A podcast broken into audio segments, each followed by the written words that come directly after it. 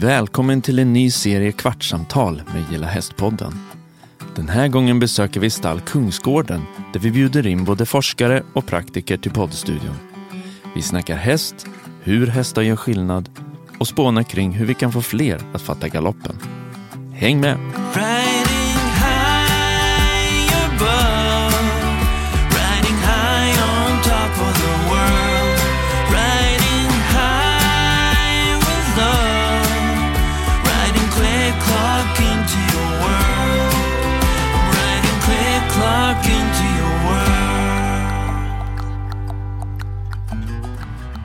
Varmt, varmt välkomna tillbaka till Gilla Häst-podden som den här helgen har ett lite alldeles speciellt uppdrag. Vi befinner oss nämligen på det fjärde nordiska forskningsseminariet kring hästunderstödda insatser.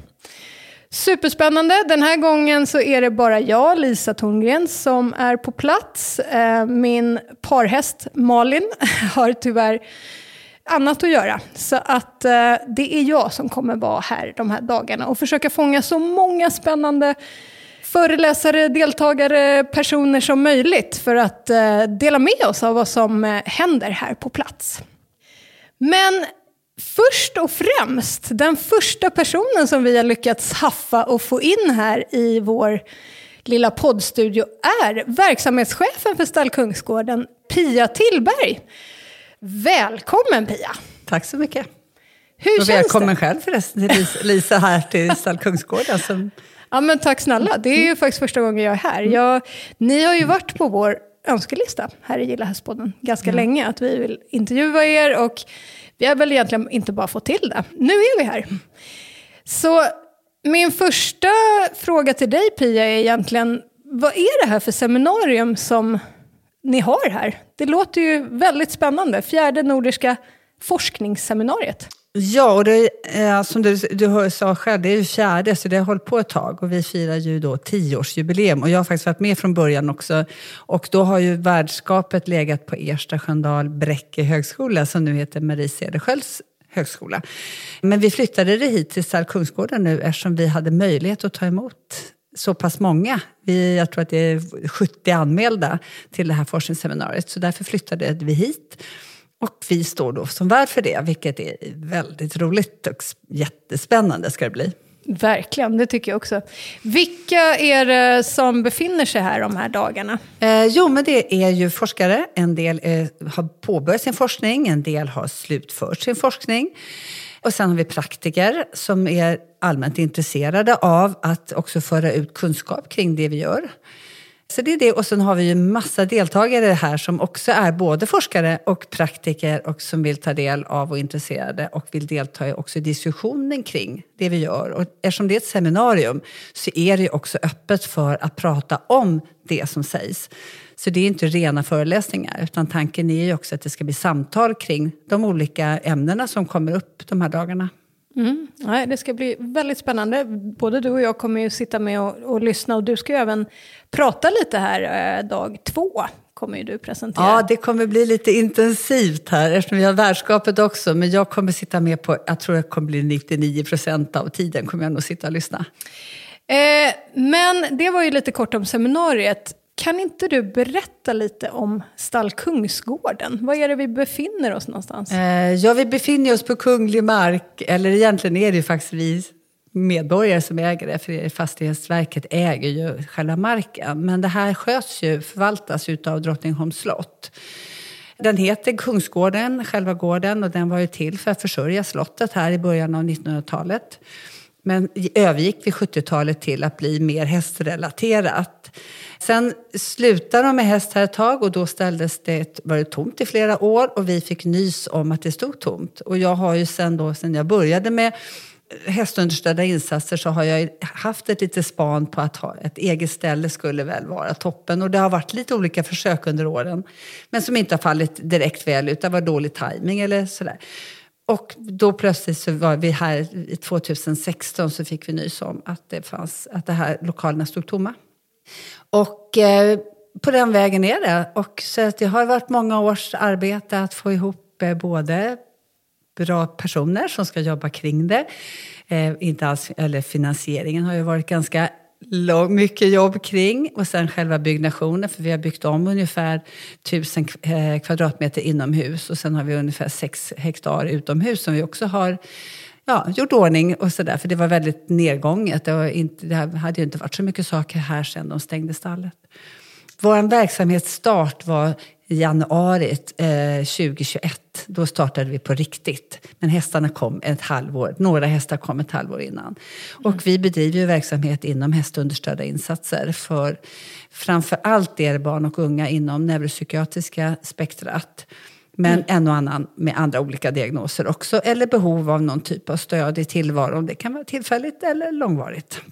Och hur många ungefär personer har ni som kommer hit varje Eh, vecka? Nu är det väl ungefär 45 personer som är så här, vad ska man säga, inskrivna. Man är inte inskriven här, men som, som vi har på- lista och som kommer till oss under, på något sätt. Och en del kommer flera gånger i veckan och en del kanske kommer varannan vecka. Så det ser lite olika ut från behov och vilka samarbetspartner. För vi, har ju också, vi samarbetar ju med olika verksamhet, andra verksamheter, förutom att det är en del privatpersoner också då, som kommer. Mm. Och vad kan det vara för verksamheter? Eh, Ekerö kommun samarbetar vi med och de hade ett nystartat närvaroteam här 20, hösten 2020 och vi fick ganska omedelbart kontakt med dem. Eller de fick kontakt med oss egentligen, det var, kom vandra runt. Så tillsammans med dem så har vi ett projekt som nu har permanentats. Men det är projektet pågår för vi ska redovisa det. Men att själva verksamheten nu är permanentad med närvaroteamet och vi ingår då som en liten, som en alternativ eh, plats för personer med mycket frånvaro från skolan, upp till 100 procent till och med i flera år. Men, men du, vad är ett närvaroteam? Ett närvaroteam är som en, vad ska man säga, en, en länk mellan central elevhälsa och eh, skolor där eleven får stöd i att... Det finns ju, de elever som närvaro, berör närvaroteamet de har ju ofta flera olika insatser. Förutom att man kanske har en problematisk skolnärvaro då, eller en, en problematisk eh, oförmåga. Eller no, man vill gå till skolan men man mäktar inte det. Och då är det andra, många andra instanser. Det kan vara BUP och habiliteringen och, och social, eh, psykosocial omsorg. Det är många aktörer inblandade. Plus då skolan, den, den ordinarie skolan, hemskolan. Och då kan närvaroteamet funka både som en brygga mellan alla de här kontakterna men också göra egna insatser och utredningar för att hitta på det sätt som kanske skulle, kan få den här eleven att få sin skolgång möjlig. På det sätt som funkar för den, just den eleven. Okej, så att om vi tar målgrupperna, det kan vara elever med problematisk skolfrånvaro. Vad kan det mer vara för... Eh, sen har vi ju särskolan. Eh, som också vi, har en, vi jobbar ihop med en särskola eh, som kommer med 14 elever i veckan. De har ju framförallt då en autismspektrumdiagnos men också en intellektuell funktionsnedsättning. Och där handlar det om att både kunna jobba med ett förstärkt lärande utifrån de pedagoger som följer med deras synsätt på sina elever. Men också träna att åka taxi någonstans, att träna möta andra människor, vara i andra miljöer, följa instruktioner. Det kan finnas mycket som eh, handlar också om livskunskap. Att klara sitt liv, att kunna delta i samhället. Så att vi kan ju vara en del där man faktiskt kan träna sådana förmågor också. Och är det några fler målgrupper du vill nämna?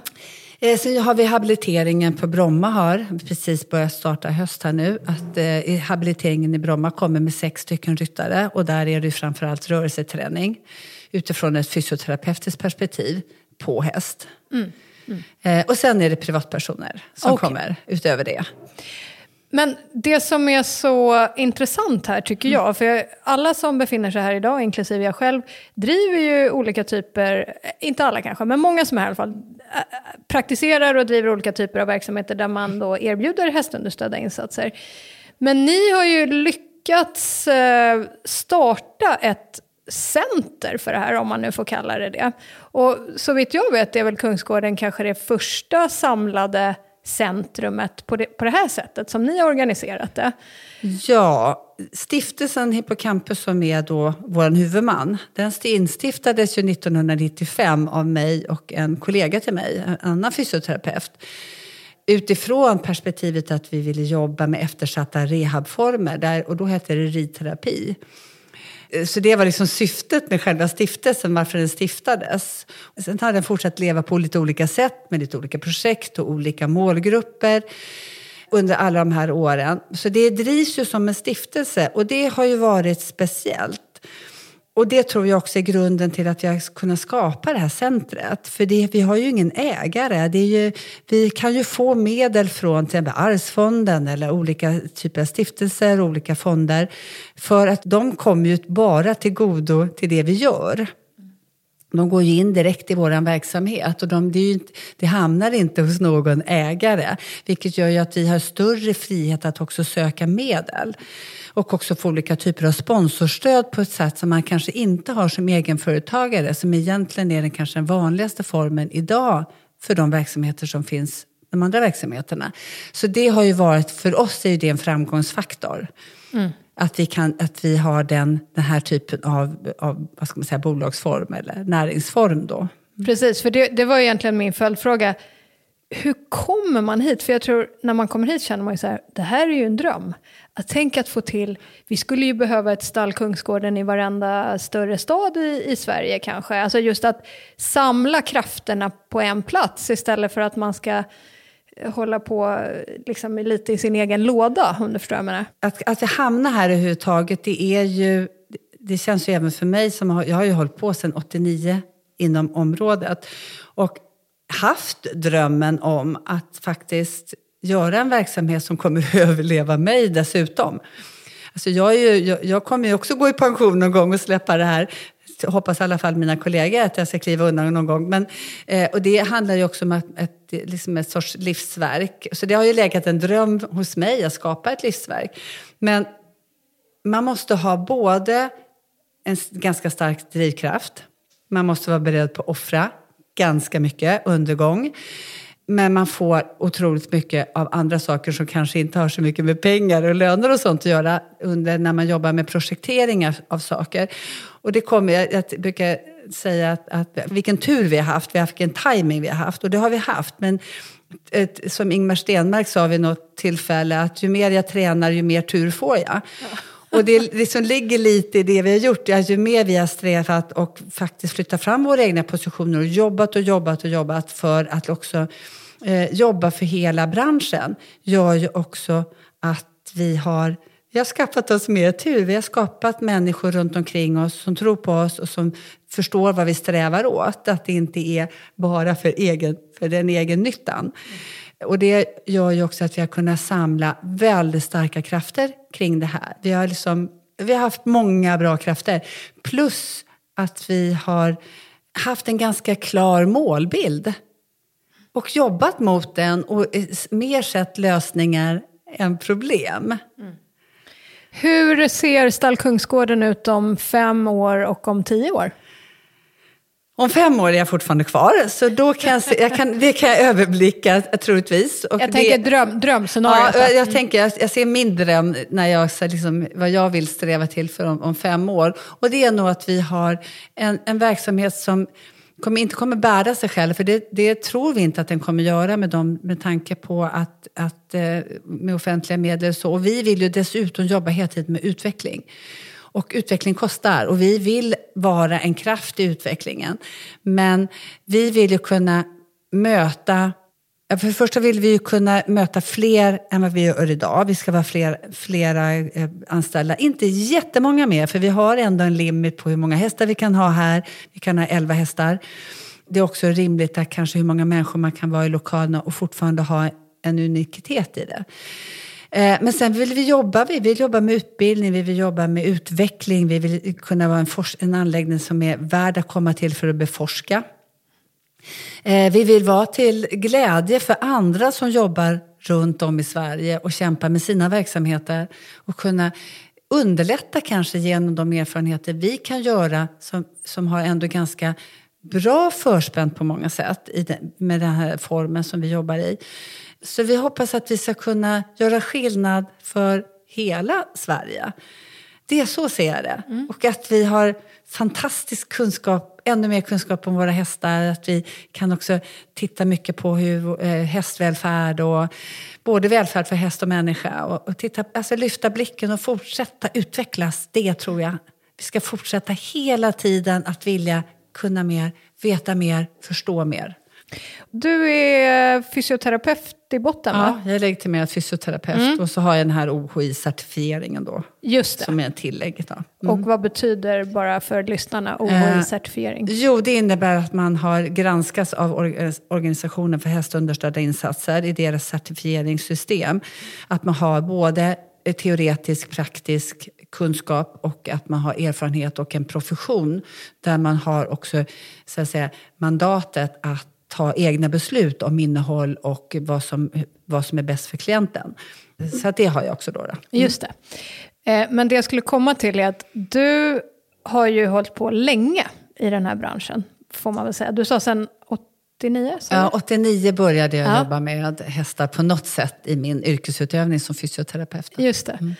Jag tänker på det när vi sitter här idag då, 2022. Hur tycker du att det har förändrats? Hur långt har vi kommit med att eh, få in hästen som den här välgörande kraften och dessutom få våra beslutsfattare att fatta galoppen, som vi brukar säga? 33 år är ganska lång tid, men med tanke på vad vi började. det har ju gått, mycket har gått framåt, och framför allt i kunskapsutvecklingen. Och när jag började, då var det fysioterapeuterna som höll på. Vi började med OHI, vi startade ju OHI 94 eh, och där var ju kanske nio av tio var ju fysioterapeuter. Och så fanns det några andra, någon lärare, någon läkare, någon arbetsterapeut. Och det har ju förändrats så mycket nu, så att nu är vi ju, det är ju och då startade vi som en professionell, för vi såg ju att i, i landet så, så fanns det ju personer som jobbade i olika professioner.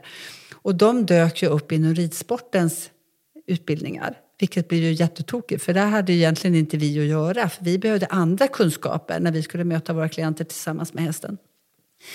Men eh, det som är häftigt nu är ju när vi tittar att fysioterapeuterna är ju bara en profession av många professioner som jobbar inom det här gebitet eller som jobbar med, strävar med det och använder, liksom har hästen som en del i hästen och hästens miljö, som en del i sin yrkesutövning eller in, på sin arbetsplats eller har egna firmor och jobbar. Så att det har ju skett en väldig förändring i vilka som arbetar med det här och det känns väldigt, väldigt positivt.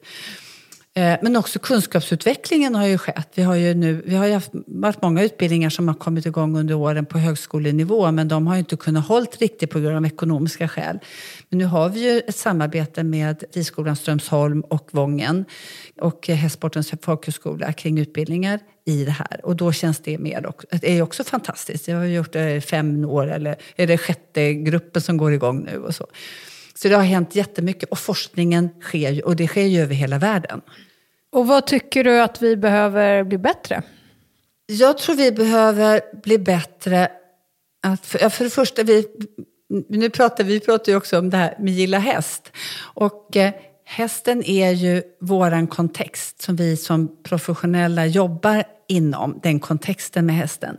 Men vi behöver prata mer om, om värdefulla miljöer för mänskligt mående.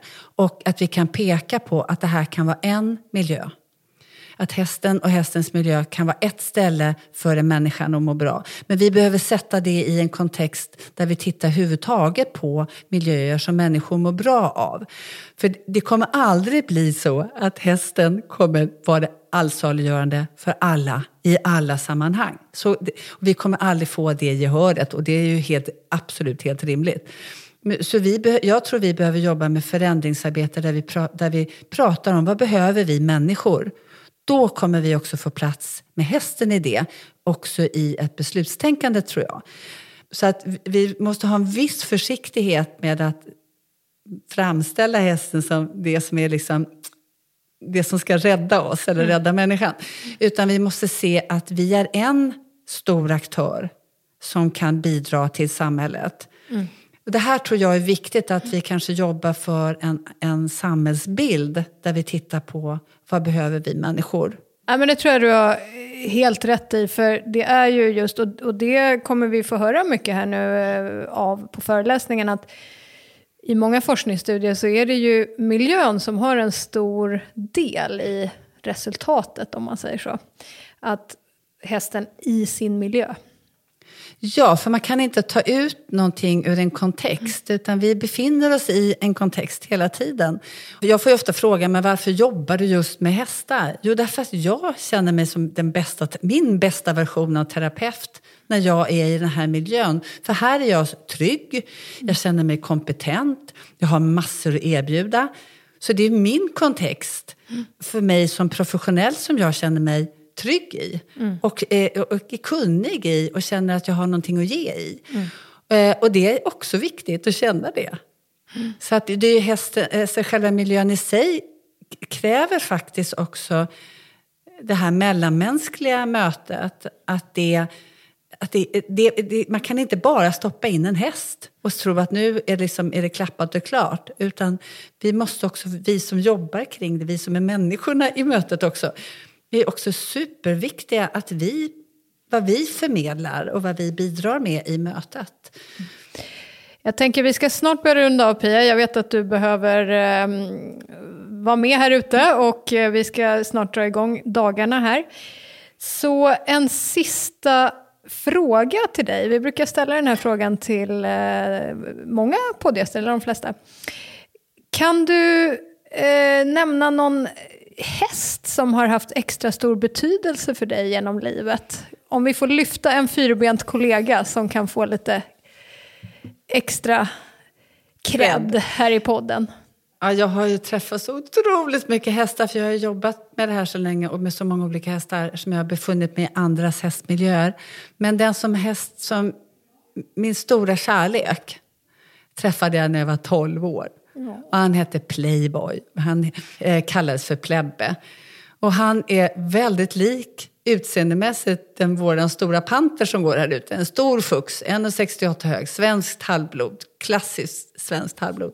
Eller varmblod heter det nu för tiden. Så bra i huvudet. Och han hoppade jag höga hinder med som jag inte trodde var möjliga.